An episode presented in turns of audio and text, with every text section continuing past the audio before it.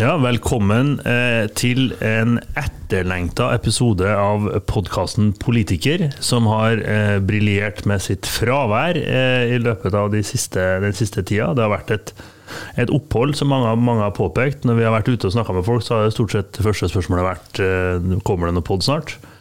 Eh, men nå er vi tilbake. Eh, det er desember, det er straks jul. Eh, og grunnen til at vi har hatt dette oppholdet, er det jo mange som har lukta seg fram til. Men det er jo rett og slett at du, Tore Sandvik, har fått deg ny jobb. Ja, for at vi var jo i en situasjon der jeg hadde gått av som fylkesordfører. Og hadde etterlønn på leting etter ny jobb.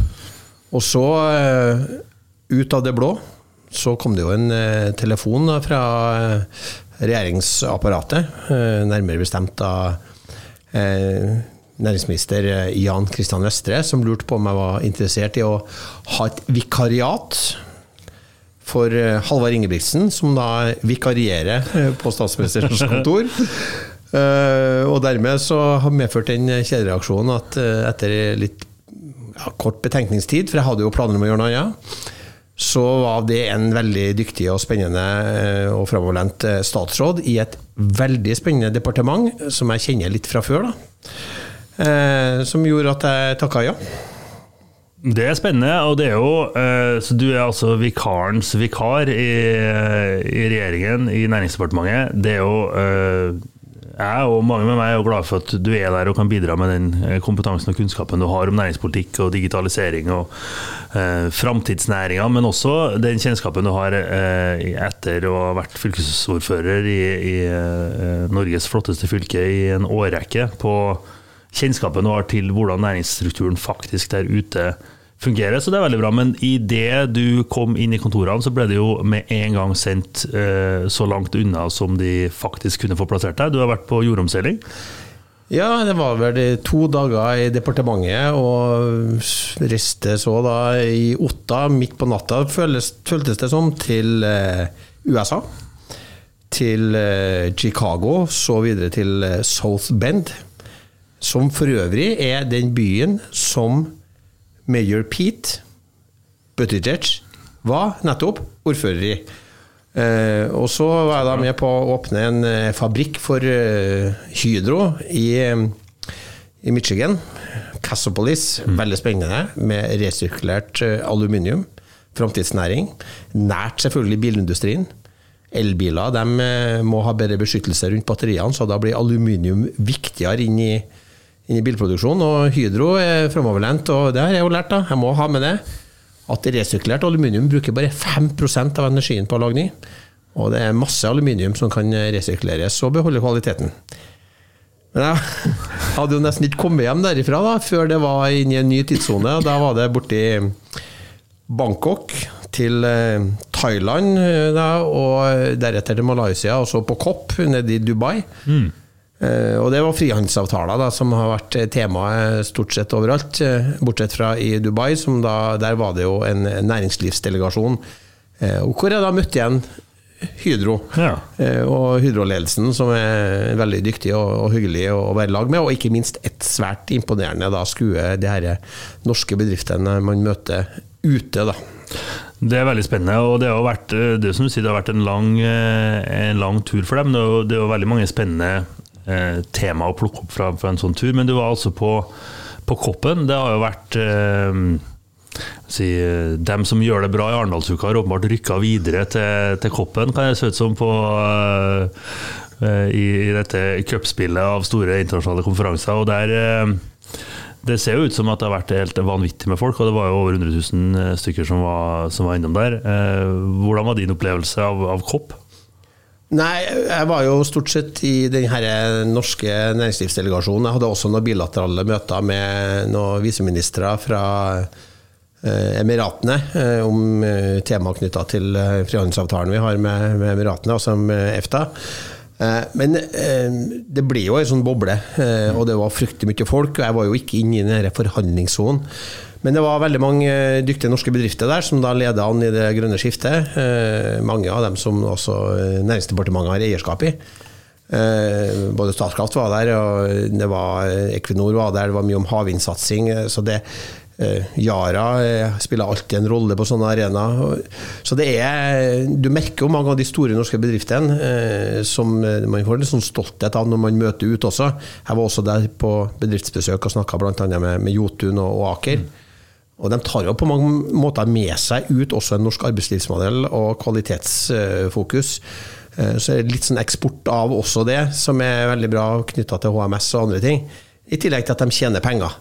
Eh, så det er alltid imponerende, og ja, stort imponerende arrangement, eh, Kopp. Men jeg var ikke inne i forhandlingene, det var det andre som hadde ansvar for eh, fra, fra Norge. Ja, det virker jo som at Norge har nok en gang bidratt konstruktivt. Både med, med Espen og Andreas har, har, gjort en innsats på vegne av Norge på Koppen. Jo, den store snakkisen etter Koppen er jo dette vannskillet eh, som nå har blitt i, i disse eh, internasjonale klimatoppmøtene, hvor det nå er omtale av at man skal fase ut bruken av eh, fossil energi i energisystemene, som det står i, i resolusjonen. Og dette jo, eh, det var ikke den eh, spisse teksten som mange i miljøbevegelsen hadde håpa på. Det var ikke det totale fraværet av omtale som OPEC bl.a. hadde skrevet brev til alle sine medlemsland om å jobbe for.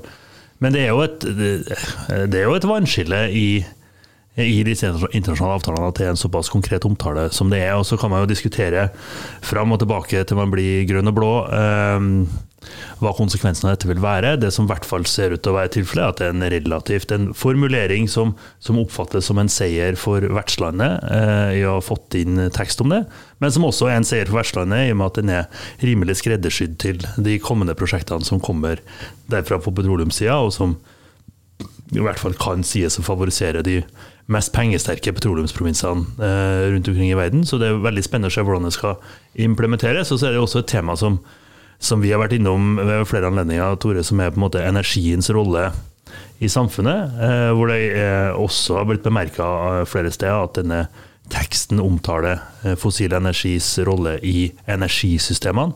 Eh, men ikke i den videre samfunnsbruken av energi, da, på gjødsel eller hva det måtte være. Så det, det er veldig det er stort skille, men det etterlater seg jo veldig mye diskusjon om hvordan dette skal implementeres og gjøres. Så vil jeg jo si at Det er jo alltid sånn litt sånn frustrerende i sånne store internasjonale konferanser som FN og COP og sånne ting. Fordi at man føler det går altfor tregt. Men det går tregt når man skal ha med seg alle land med alle de krinka og krokene som finnes i, i, verden, med ulike styresett og interesser og ulikt uh, utviklingsnivå og, og uh, ja, alt som hører med.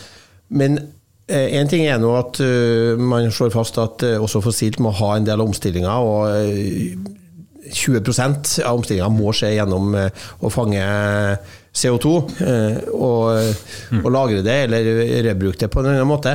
Men det er også et kjempestort skifte i satsinga på fornybar. Mm. Eh, det var et norsk selskap der, Skatek, som Jonas var med på en presentasjon der de tegna store avtaler med Egypt. Eh, knytta til sol. Eh, jeg lurer på om det også var noe vind i miksen for å lage både hydrogen og, og e-metanol. Eh, så det er også et skifte nå som foregår gjennom å øke produksjonen av fornybar. Både på sol og vind. Og øke også da liksom bevisstheten knytta til det. Og også knytta til sånn hard abate sectors, altså hvordan skal du få rensa bort CO2. Eh, og når, eh, jeg har en, en, kjenning som bruker å si at eh, FNs bærekraftsmål er egentlig den største forretningsplanen som finnes. Og det er litt sånn Når hele verden blir enige om sånne satsinger, sjøl om det kunne vært mer ambisiøst, sjøl om alvoret er større enn kanskje hva som kommer fram i teksten på hva man skal gjøre, så er det en go til markedet, det er en go til myndigheter, det er en go til, til folk om at det må skje en, eh, en, en, overgang, eh, og da må man ha mer fornybar. Så man tar bort markedet for fossile. Det er jo det som jeg tror kanskje er det viktigste som kommer ut av det. Jeg er helt enig. Og det er jo riktig som du sier, og denne energikrisa vi har, hatt, eh, har bak oss, og har bak oss som vi er i nå, har jo også bidratt til at energiomstillingen på fornybar energi skjer raskere enn den ellers ville gjort. Så det er veldig mye spennende som, som skjer på dette på dette feltet framover. Som du sier, både på CCS, hvor mye har skjedd i Europa og USA de siste par årene, men også på, på utrullinga for fornybar energi, på havvind eh, og på områder hvor, hvor Norge har en viktig rolle å spille, og hvor du i, i ditt eh, din stilling nå i, i Næringsdepartementet også har en viktig rolle å spille eh, både internasjonalt og nasjonalt for at Norge skal kunne gripe de mulighetene som finnes der. Og så får vi håpe at Skatec blir like kjent for innsatsen sin for fornybar energi rundt omkring i verden som de er for julebordet sitt midt i omikron-perioden i, i pandemien, som også fikk relativt god dekning, eh, i hvert fall i, norsk presse der ei, ei beite. Men vi har jo eh, et eh, snaut halvår bak oss nå som podkastverter. Vi eh, hadde jo satt oss som målsetning at denne podkasten skulle på en, en, eller annen måte klare å finansiere opp et julebord for de to podkastvertene.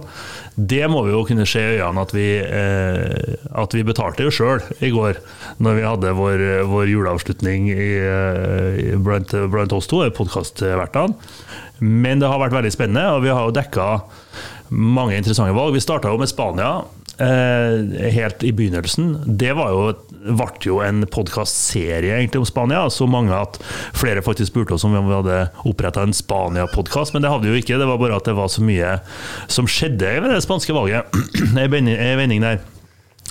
Eh, men der må vi jo rett og slett si at eh, vi starta den serien om Spania med å være kritisk spørrende til strategien til Sanchez, som da var for dem som for eventuelt nye lyttere eh, var å, å kalle ut et nyvalg, skrive ut et nyvalg rett etter å ha gått på et kjempenederlag i kommunevalget. Men det viste seg jo å være en relativt vellykka strategi.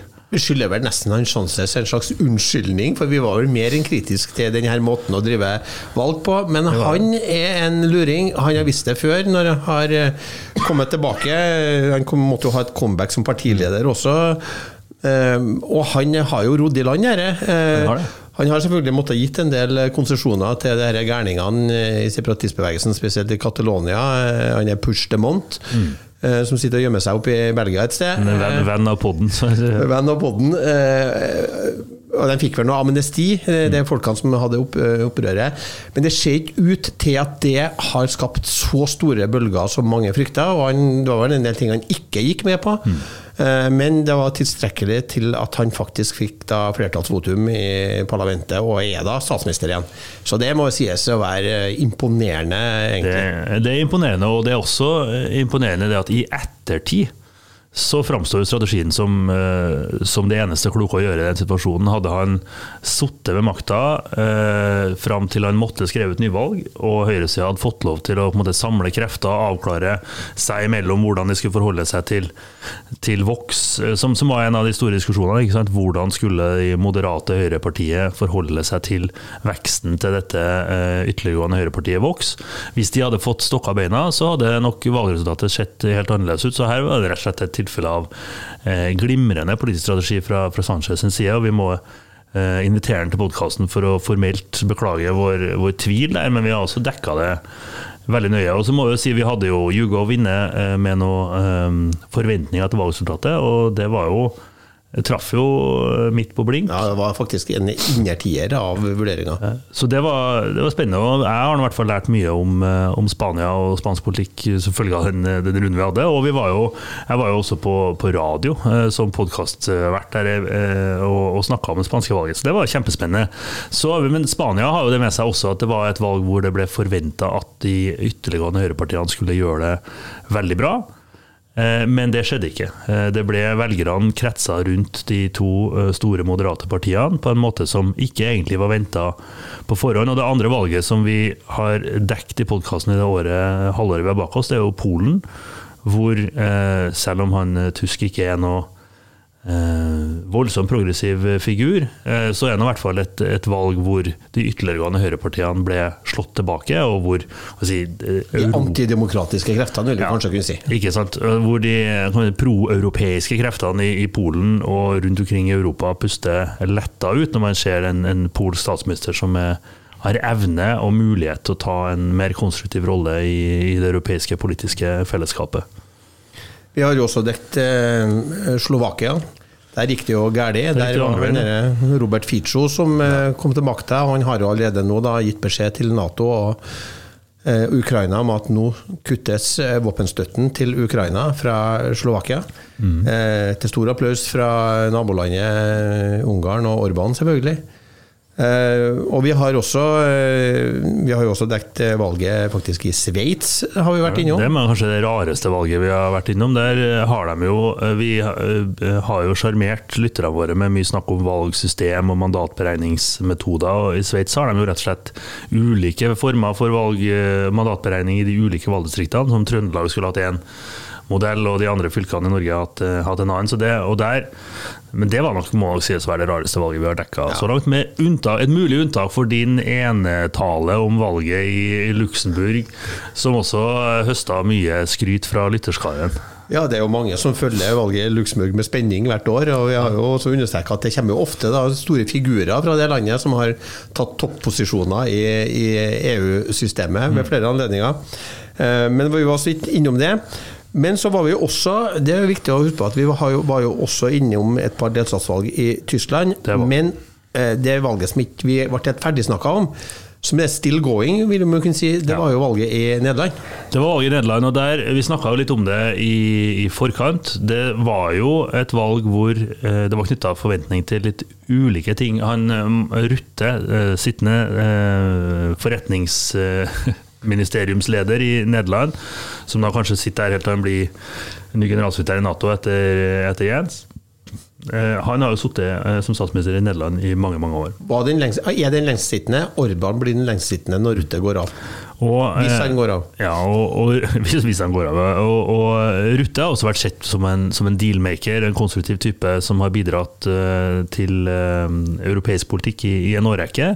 Og han da skrev ut nyvalg uh, og, og trakk seg, så var det knytta en del forventninger både til hvordan hans parti skulle gjøre det, hvilke eventuelt nye parti som skulle komme inn, og hvordan det kom til å gå med, med Wilders og den ytterliggående høyrefløyen i Nederland. Og vi snakka jo litt om dette nye nye partiet som var en sammenslåing av PVDA, altså Arbeiderpartiet i, i Nederland, og De Grønne.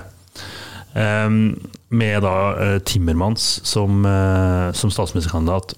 Uh, Timmermans han er jo en sånn type som man elsker eller hater. En slags mannlig kontinentaleuropeisk Hillary Clinton. som er sylskarp på klima, og har vært en figur i europeisk politikk i, i mange, mange år det partiet underpresterte jo uh, en del. Det kom jo inn ganske høyt på målingene, og så sank det gradvis, uh, gradvis utover. Men den store uh, overraskelsen egentlig i valget i Nederland ble jo resultatet. Og det som skjedde litt før resultatet der Jeg vil bare si det først da om dette PVDA, vårt Arbeiderpartiets søsterparti i Nederland, har jo en tendens til å tenker sånn at de velger seg en sak som de ønsker å gå til valg på, og så velger de seg en kandidat som passer akkurat til den saken, som gjør at de er veldig sårbare hvis eh, agendaen i valgkampen eh, flytter seg fra det de i utgangspunktet hadde tenkt. Og det gjorde den jo, eh, for det ble jo en heidundrende innvandringsdebatt i Nederland de siste to ukene før, før valget, med det resultatet at det ytterliggående Gert Wilders, en slags patient zero for europeiske ytterliggående eh, høyrepartier, eh, kom på topp. Nå pågår det jo regjeringsforhandlinger i, eh, i Nederland. De måtte jo restartes etter eh, Wilders første eh, bud på sånn eh, forhandlingsleder viste seg å være under etterforskning for en hel rekke ulike kriminelle forhold, og måtte tilbake til tegnebrettet erstatta av, av, en ny. Som jo på en måte illustrerer at det hender jo at disse høyrepartiene kommer inn med Um, folk som har lite erfaring i, i, å drive politikk, og ofte med god grunn. Eh, men nå eh, er det på'n igjen i forhandlingene. Det er litt ulike forventninger ute ser jeg på hva som kommer til å skje. Men det, det nærmer seg vel en forventning i markedet rundt omkring om at det, det blir en Wilders eh, statsministerperiode. Med støtte fra Rutter sitt parti, da, eller? Ja, Det er jeg litt usikker på akkurat hvordan de, de ulike regnestykkene der går. Det er i hvert fall få veier til mål for, for Timmermans. Men så vet vi jo også at selv om det skulle gå, så har jo erfaringene i Sverige f.eks. vist at det er det er ingen dans på rosa å styre et land med en sånn skyggemajoritet til Høyre, eh, som, bare som ikke utløses kun av den årsak at ingen vil samarbeide med det ytterliggående Høyrepartiet. Så at vi vil uansett få en, en politikk i Nederland de neste årene som, som er fundamentalt ustabil eh, som følge av det valgresultatet, eh, og som kan være uforutsigbar inn mot eh, europeiske systemet. Det være verdt å nevne at eh, forrige valg så brukte de vel på et år før de klarte å lage regjering. Eh, Og dermed Stemmer. også den spøken om Rutte, hvis han går av. For at han risikerer jo å være sånn derre eh, Evigvarende keeper for, eh, for Nederland. Ja. Til de må ha et nytt valg igjen. Ja, ja, men rekorden er vel Belgia som har på lengst, lengst forhandlinger før noen som tar over. og det er jo Så det, alt kan skje, men det vi vet i hvert fall er at Nederland har slutta å være kan man si, den stabiliserende krafta i det europeiske systemet som det har vært fram til nå. og Det vil jo kunne ha konsekvenser for, eh, for hvordan dette går videre. Så det er et valg vi ikke har snakka om. eh, Det er at det var jo på sist søndag valg i Serbia. Det var det. Det har vi jo, det har vi jo dekka på eh, Facebook-profilen til, til podkasten, for dem av dere som ikke har abonnert på den eller likt den sida ennå, så det bare hiv seg rundt. Ja, og der eh, var det jo gjenvalg av eh, sittende posisjon. Eh, det var en snap election, for det var noe masseskytinger og drap i, i mai, som medførte store folkeprotester. Og så er det jo sånn at de har en ganske aktiv president i Serbia, som spiller litt på alle hester. Eh, også internasjonalt sett òg. Han er både litt sånn Putin-venn, og han er litt EU-venn, og han hater litt EU, og han er litt streng med Putin. Eh, og vil ha Serbia i midten. Eh, Prega selvfølgelig også av konflikten med Kosovo, eh, som Serbia ikke anerkjenner som egen eh, nasjon. Eh, Det gjør vel Norge og de fleste vestlige land, men ikke mange av de shady statene lenger øst. Eh, og der har det jo vært trefninger og vært stor spenning om man har frykta at, at det skulle ta fyr. Eh, amerikanerne har vel gitt noen sikkerhetsgarantier òg, eh, tror jeg. Men han Vucic, han, jeg vet ikke om det er rett uttalt, eh, han utlysta utlyste et nyvalg som egentlig ble en sånn vote of confidence pga. at det ble store protester. Eh, man ønska mer lov og orden, og det er sikkert korrupsjon, og det er mye eh, uryddig i, i de her systemene. Eh, og sjøl om de, det jo eh, faktisk en homofil kvinnelig statsminister i, Serbia for, eh, for det styrende partiet, eh, som styrer en koalisjon med Sosialistpartiet. Så er det han Vucic som har vært ansiktet. Det er hans navn som står på alle sedler. Det er han som har vært det bærende elementet i, i valgkampen for det partiet. Eh, og det Nå har ikke jeg sett de helt siste oppdateringene, men de siste jeg så, eh, tyder vel på at de faktisk kommer tilbake og får rent flertall i, i nasjonalforsamlinga, det her eh, partiet hans, eh, og at de ikke engang trenger å samarbeide med det her sosialistpartiet. Som er nok et av de her sosialistpartiene i sosialist, altså europeiske sammenslutninger som er litt på sida av hva vi tolererer som normalt. Så der blir det eh, gjenvalg eh, i Serbia. Og så nevnte vi jo så vidt, vi, apropos eh, det har jo, Vi må jo også si at det har vært ganske tøffe tider for høyrevridde frisører de siste tiåret, med, med Trump og Boris Johnson og Gert Wilders. Og også nå, da. Eh, vi var jo så vidt innom eh, første valgomgang i Argentina, hvor overraskende nok sittende finansminister vant første valgomgang med en inflasjon på, på 80 eh, Og så eh, viste det seg da at det holdt ikke inn til mål, fordi han derre Milley, som da også ser ut som en piazzavokost på håret, eh, har da stukket av med valgseieren. Eh, Han skal eh, fjerne pesosen og, og innføre dollar. Han har devaluert. Og eh, han har vel også rådgivere som eh, vi kan stille et par spørsmålstegn med. Han har det, nå, nå har han jo skjøvet visstnok denne dollariseringen eh, litt ut i, i tid. Det er fortsatt venta at det kan komme i løpet av eh, første periode her, men eh, det blir one to watch, eh, dette, eh, dette landet over, eh, over tid. Og det er jo som du sier, det er jo eh, Hårmessig er det jo eh, enkelt å kjenne igjen disse karakterene, eh, har det jo blitt da. Men han har jo to rådgivere, eller tre rådgivere, Ja. som da er hundene hans. Han har det, og han har fått uh, på sitt presidentseil, altså den eh, stokk med, med et slags sånt uh, bilde på. Der er altså hundene hans uh, inngravert. Uh, og det vil, det vil anbefale alle. Vi kan prøve å få lagt ut på Facebook-sida vår den, eh, de historiene om de hundene. Det er, helt, det er eventyrlig. Han har klona sin første hund. Han har klona dem, ja. Som en eller annen heksedoktor fortalte han var veldig klok, han burde lytte mer til han, så han er vel han han har brukt som rådgiver, da. Kjempebra. Og det er jo det er jo en risky strategi hvis du har en god rådgiver at du kloner den så du får det samme rådet en gang til, men det er kanskje ikke fullt så, uh, fullt så farlig hvis det, hvis det er hunder det, det, er snakk om. da. Men det er jo uh, det året vi har foran oss, nå har vi jo litt om eh, Det har vært veldig spennende og veldig lærerikt å dekke alle disse valgene. Eh, og jeg mener jo at du hører i hvert fall på det vi får av tilbakemeldinger, så fyller det også et, et tomrom i den norske podkast- eh, og nyhetsfloraen hvor det er ganske lite dekning egentlig av det som foregår rundt oss i valgmessig, med unntak av det amerikanske valget, så er det forholdsvis lite dekning av det som skjer. og Det året vi går inn i nå, blir jo et kjempespennende valgår for eh, veldig mange. Det er noen kjempestore valg som virkelig kan endre eh, verdensordenen i tida som kommer. Ja, det er faktisk sånn at det neste året så går 41 av verdens befolkning til valg.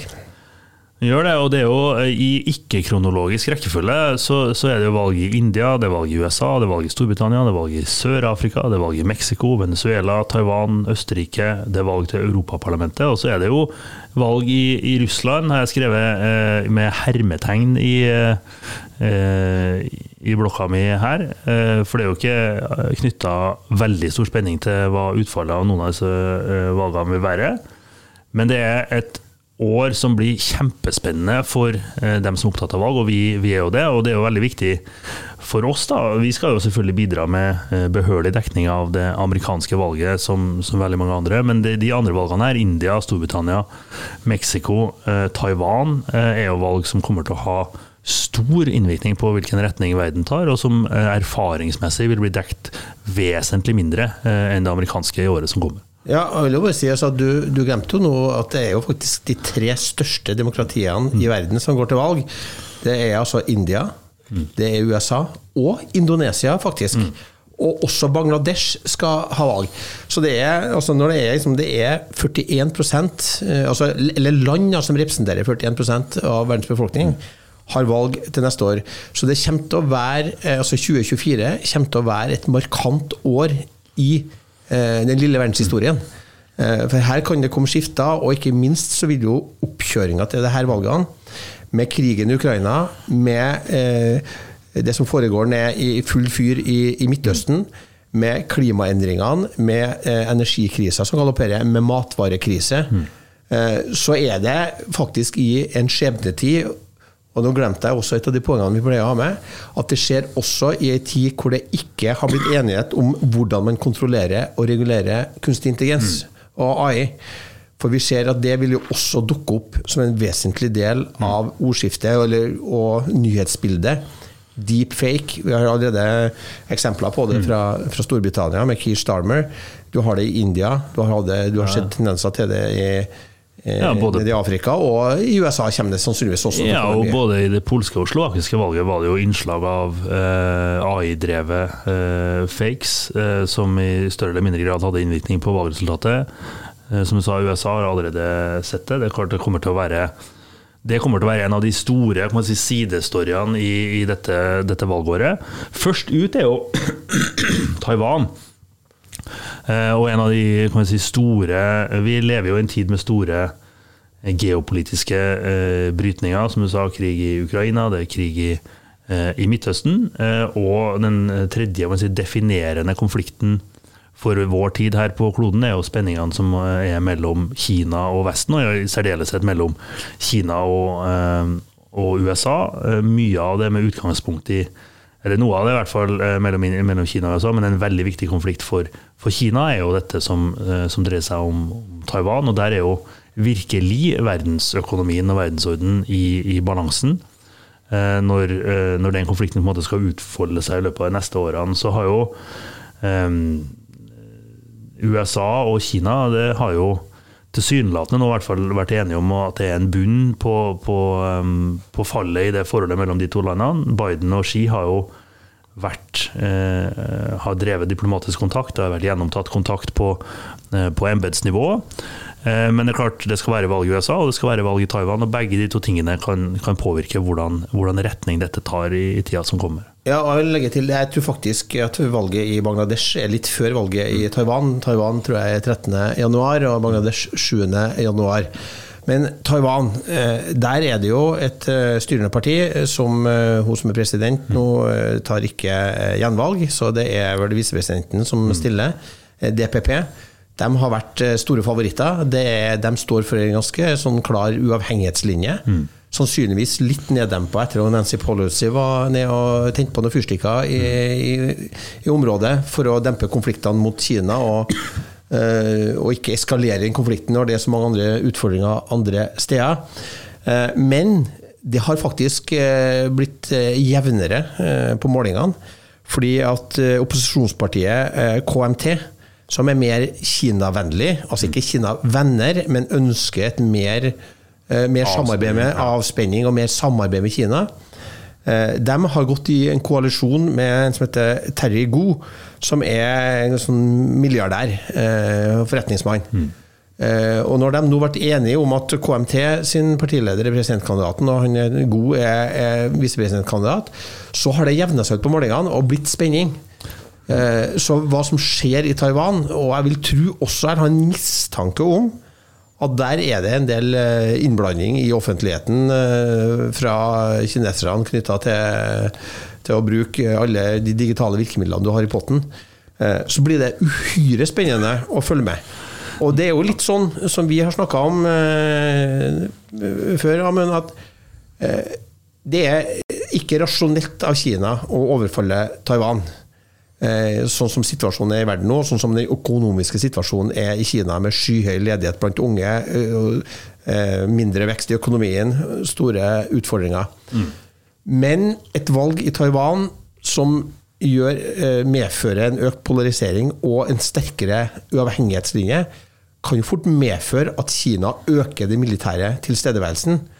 Og da er det veldig mye bensin i lufta. Eh, at eh, ved en ulykke eller en utilsikta handling kan eskalere konflikten. Et fly kan krasje, en missil på avveie eller et eller annet.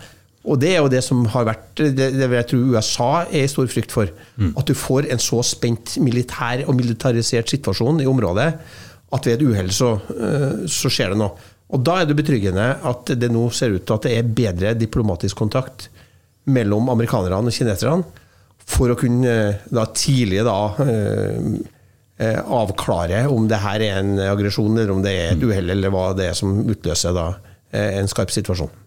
Ja, det er det nå. Eh, og det er jo akkurat i, skrivende stund så er vel eh, i hvert fall vår forventning i, Eurasia Group at det er eh, sannsynlighetsovervekt for at sittende koalisjon går av med seieren, med, med noe etterfølgende spenningsøkning i, regionen. Men det er jo som vi sier, akkurat nå er det jo gode, eh, i hvert fall et gulv på, eh, på relasjonene mellom eh, USA og, og, Kina. Men det er jo et annet valg mot slutten av året, riktignok, i USA som kan eh, dra rundt på det. Det er jo eh, ekstremt sannsynlig at med mindre Trump skulle finne på å dø eh, før nominasjonsmøtet, at han blir nominert for republikanerne, og Biden da nominert for, for demokratene. Når det er avklart på begge sider, så er jo da amerikansk politikk blitt så polarisert at da er det liksom uh, flip a coin, hvem som uh, vinner i, i, i sannsynlighet. Uh, men det er klart 75% av USAs innbyggere mener at Joe Biden er for gammel til å stille, eller for å si det på en annen måte, så er det jo 75% som vet at Joe Biden er for gammel til å stille som president i USA. Husk på det at forrige, Da Joe Biden ble valgt, så var han jo også en, en svært gammel mann. Han har vært en ekstremt effektiv eh, en ekstremt effektiv eh, president så langt. og Dersom han skulle gått av nå, eller eh, vinne en periode nummer to, så ville han bli huska som, som, en av de mest effektive presidentene i, i amerikansk historie. Men det er klart, forrige gang så satt han i kjelleren sin og ble rulla ut på verandaen innimellom og sa at det er ikke Trump, jeg er ikke Trump, og så gikk det greit som kampanje. Denne gangen så må det jo drives en full skala nasjonal valgkamp i USA med det stresset som det innebærer. og han er jo en eh, tilårskommen mann, Joe Biden, så det er klart er, uh, Vi er på en måte ett sånn Mitch McConnell-øyeblikk unna at han er uvalgbar, og det, det er mye risiko uh, på, på, tapetet i, i, det amerikanske valget, som, som, vil ha store konsekvenser for forholdet mellom. USA og Kina, men også mellom USA og Europa, og dermed også mellom, for forholdet mellom Europa og, og Kina. Det har jo vært eh, noen målinger. New York Times hadde jo en sånn måleserie som skremte vettet av eh, noen og hver. Eh, fordi at da leda jo Trump eh, ganske greit i de fleste viktige vippestatene, både oppe i rustbeltet og i Georgia og i Arizona. Eh, og, men jeg har jo hørt en del eh, podkaster etterpå, ikke minst fra 538, og mange er opptatt av å si at det er du kan ikke ta på alvor eh, hva velgerne sier nå. Nå er det mye protest i hva man sier. Det er også eh, velgere i, i miksen på meningsmålingene som ikke kommer til å stemme. Men det som er den store faren, det er jo at du får nå også splittelser i Det demokratiske partiet. For når du legger på navnet Joe Biden, så synker jo oppslutninga med en demokratisk kandidat. Eh, og du har fått pga. da, konfliktene eh, rundt eh, Palestina-spørsmålet internt i Det demokratiske partiet, så risikerer du at du får tredjekandidater i mange av de vippestatene. Der radisene går og stemmer eh, med hjertet og ikke hodet. Eh, og risikerer da at først past post, altså at det blir eh, Trump som vinner stater, fordi at det kommer opp mer progressive kandidater blant demokratene. Noen hadde jo frykta han er Robert Kennedy. Eh, han har jo havna litt ute i det høye gresset med sånn antivax-greier. Og har jo et navn som da eh, klinger godt mm. i demokratisk historie. Eh, men der viser det seg at han tar litt fra begge sidene. Mm. Han tar både republikanere og, og, demokrater.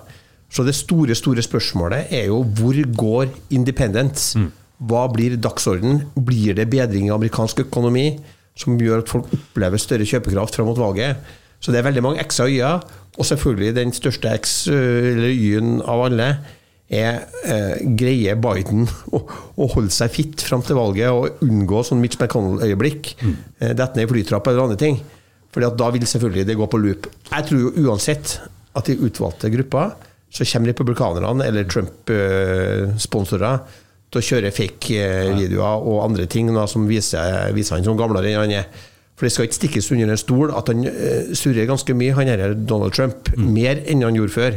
Så han er prega av alderen. Uh, sannsynligvis mer intellektuelt uh, prega av alderen enn en Biden uh, åpenbart er, for han leverer tungt på veldig mange saker og er, uh, framstår som verdensleder. tross sin høye alder, Biden. Mm. Så vi skal følge det tett. Det blir viktig å se, følge med på primaries og stemninga, og ikke minst om det dukker opp da progressive tredjekandidater. Når jeg var borti her, så hadde jeg et håp om å treffe guvernøren i Michigan, Gretchen Whitmer. Eh, som vel begge vi to hadde håpa skulle bli kandidat for Demokratene. For hun ville sannsynligvis hatt stor sjanse for å vinne et sånt valg. Uh, hun, var ikke der jeg var, i, Michigan. Uh, men det er klart, det er, det er noen kandidater som kan dukke opp. Joe Manchin har trukket seg fra senatet, tar ikke gjenvalg. Og noen lurer på om han stiller til presidentkampanje. Eh, så det er fortsatt usikkert hvordan dette kommer til å spille seg ut. Eh, framover. Det eneste som er sikkert, her er at det blir eh, veldig mange spennende podkastmuligheter ut fra det amerikanske valget, men òg eh, en del av de andre som kommer. Et valg som vi kommer til å snakke mye om, er jo det forestående valget i Storbritannia. Det er må skrives ut nyvalg innen januar 2025. Eh, eh, all forventning eh, peker i retning av at det blir enten i mai eller i oktober. Men der sitter jo Sunak bare og kikker på tallene og venter på et tidspunkt hvor eh, det snur. Det vil jo være to tall han kikker på. Det er sin egen oppslutning, eh, og det er utviklingen i økonomien. Så det kan skje eh, på kort varsel gjennom året, men enten så er vel forventningen at det kommer som en del samtidig med lokalvalget i mai, eller i oktober. Der er det ulike eh, hensyn som, som trekker i ulike retninger, men det er klart eh, det å gå på et kjempenederlag i lokalvalget i mai, og så slepe seg til oktober for å gå på et nederlag til, er ikke aldeles, et, et, veldig godt utgangspunkt for, for Sunak. Men det er klart det er en stund igjen, og det er en del ting som kan skje, men det ser jo eh, veldig lovende ut for, eh, for Labour i, i Storbritannia nå, på første gang på, på, mange, mange år. Ja, og der er det jo også sånn, du har jo vært og møtt en del fra mm. Labour eh, når du har vært i, i, London, og vi er jo litt imponert over disiplinen og at man har greid å lande det. Det var jo sånn at man lenge sa at Labour lei av Long Corbyn. Eh, at denne aktivistbevegelsen som tok over Labour, og eh, som da tapte valget så grundig eh, som de gjorde, at, mot Boris Johnson mm. at det har prega dem lenge, men nå virker de mye mer disiplinert. De er opptatt av å vinne tilbake makta, og de jobber også da Jeg syns Keir framstår som statsmann stadig mer eh, som opposisjonsleder. Jeg syns de har gjort en kjempejobb. Jeg har jo eh, flere venner som, som driver eh, valgkampen der borte, og, og må jo sies i, i, um, i habilitetens navn at jeg også eh, jobber delvis for eh, Labour i Storbritannia gjennom eh, en av de tingene som jeg driver med. Men det har jo vært en utrolig jobb som har vært gjort av Keir Starmer og folkene rundt han siden han tok over. rydda ut forferdelig mye svært krevende Eh, persongalleri. Det har vært eh, skandaler hvor de har måttet rydde ut på, på grunnlag av antisemittisme og, og, andre ting. Eh, og kommet til et punkt nå hvor de står igjen med et, et Labour som er ordentlig retta mot behovene som, som, velgerne i Storbritannia har, i motsetning til et Labour som i en årrekke har vært mye mer introspektivt på hva medlemmene har ønska. Og så er det jo ikke noe tvil om at de tolv årene med, eh, med Tory-styret nå eh, begynner å tære på for noen og hver i, i Storbritannia. Um, på en sånn måte at, uh, at, det skal godt gjøres for Rishi Sunak å riste av seg uh, arven etter, uh, etter, Boris Johnson, etter Theresa May og etter nå sittende utenriksminister, som han henta inn igjen, som jo var skyld i at Storbritannia i utgangspunktet gikk ut av EU eh, den gang da. Så det, det, er jo en, eh, De bygger jo på en historie i budskapet sitt som, som bør kunne være overbevisende, men det, det, er lenge igjen. Og, og, ting kan skje, men det, det, ser jo veldig lovende ut. Men det er et valg vi kommer til å, å følge tett i tida som kommer. Det, det, er vel også valg i Belgia? Det er valg i Belgia, og så er det Og i Belgia så er det jo nå for første gang mulig at du kan få separatistisk flertall i Flandern, vel eller en av delstatene eh, i Belgia. Så det blir også et spennende valg eh, å følge. Eh, og så er det tre delstatsvalg i Tyskland, hvor forventningen er at AFD kan finne på å gjøre det veldig godt. I tillegg til det så er det jo valg som vi nevnte rundt omkring i, i verden, men også europaparlamentsvalg sommeren 2024. hvor det blir veldig spennende å se hvor proteststemmene i de store europeiske landene går, og hva slags konsekvens det vil få for, for, for, det politiske flertallet i Europaparlamentet i neste, neste fireårsperiode. Ja, så skal det også være snap election i Portugal. For der er en uhyre populær, populær statsminister, Costa. Han hadde vel en uh, nær venn som har gjort uh, litt for oss karriere i, uh, i embetsverket. han har for så vidt hatt forskjellige posisjoner oppover. Eh, og han eh, falt da for korrupsjon, eh, og han trakk seg vel med umiddelbar virkning, han Kosta, så der skal det være et, et, et nyvalg. Mm. Det, blir, det, blir, spennende å følge med på hvordan, hvordan det skal gå, og noe vi vil dekke her i, i poden. Så det er jo en, et år vi går inn i med utrolig mye snadder for valginteresserte som oss. Vi skal ikke gå gjennom alle disse valgene eh, nå, utover å si at det starter allerede smekker rett på i nyåret med store, viktige valg. Eh, og går slag i slag gjennom det året som kommer. Ja, vi skal komme mer tilbake og si litt om både Indonesia og, og, Bangladesh. Ikke så dypt i dem, kanskje, for der endrer ikke den politiske situasjonen seg så mye. India skal vi også snakke litt om, men der er det ingen eh, hemmelighet hvem det er som ligger an til å vinne. Modi er mm. den mest populære statslederen i, i verden, ifølge eh, mm. Eh, målinger som, eh, som tas opp eh, og har et jerngrep om India og driver jo en ganske røff politisk kamp mot mm. minoriteter. Og så skal vi også komme tilbake til Mexico. Mexico er, blir mer og mer interessant. De er en del av den store IRA-pakken til USA. Og de skal også være med å arrangere fotball-VM sammen med Canada og USA. Mm. Eh, som også blir interessant. Der er det en populær eh, president nå, men det er one term-regel eh, i, i konstitusjonen, så vedkommende må gå av. Mm. Jeg husker ikke navnet på han, men der er det visst også en populær kandidat som ligger an til å, å ta over. Så Mexico skal vi også følge med på, for det er også interessant knytta til det som foregår i Amerika. Det blir spennende, eh, og nå eh, går jo eh, det i retning av jule, julefred. For vår del, i hvert fall. Jeg skal være her i Oslo, du skal vel være i, i Trøndelag. Vi skal vel klare å, å, møtes virtuelt dersom det skulle skje noe som krever en podkast gjennom jula, men det er i hvert fall helt sikkert at vi er tidlig på'n igjen på nyåret med podkast om store, viktige valg og begivenheter og gjester. Så eh, må jeg jo legge til at eh, det har jo også eh, skjedd store begivenheter i nær fortid her.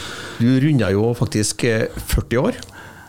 Jeg gjorde det. Eh, det føles jo, jeg må si, foreløpig ganske likt som å være 39, men jeg merker jo at jeg har trådt inn blant de voksne, i de voksnes rekker. Så klart går og venter på når midtlivskrisa skal materialisere seg. om det blir sportsbil eller en usunn, dyp sportsinteresse vil nå vil foreløpig vise seg. Men det er klart, henger jeg i, i, 40 år til, så er jeg jo omtrent på alder med, med presidentkandidatene i USA. Det må nevnes jeg så her i stad at Bill Clinton er nå yngre enn den yngste kandidaten til å ta over som president ved, ved årets valg. Så det blir av de to kandidatene. Så det er klart Alder er ikke det det en gang var. Men jeg syns det holder godt. Du ser ikke ut som du er en dag over 80. Nei, sant. Det, frisøren min sa til meg at jeg så ut som jeg var en dag over 35, og det har jeg levd på hele denne uka her, i hvert fall. Ja, det ser ut som han har klippet deg greit, så det kan ikke være at han var svaksynt.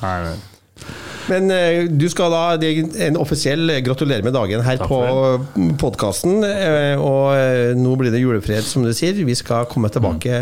Mm med nye valgoppdateringer, og forhåpentligvis så har vi kalendere som treffer hverandre på tidssonene litt oftere ja. på det nye året. Satser på det. Nå er vi jo eh, i samme by, i hvert fall mens du er i, i vikariatet ditt, så det gjør det jo mulig å, å kanskje til og med få til flere studioinnspillinger i, i, året som kommer, med den positive effekten det har for lydkvalitet og, og lytterglede. Da sier jeg bare lik oss, del oss, abonner, og ha ei riktig god jul til alle sammen. God jul.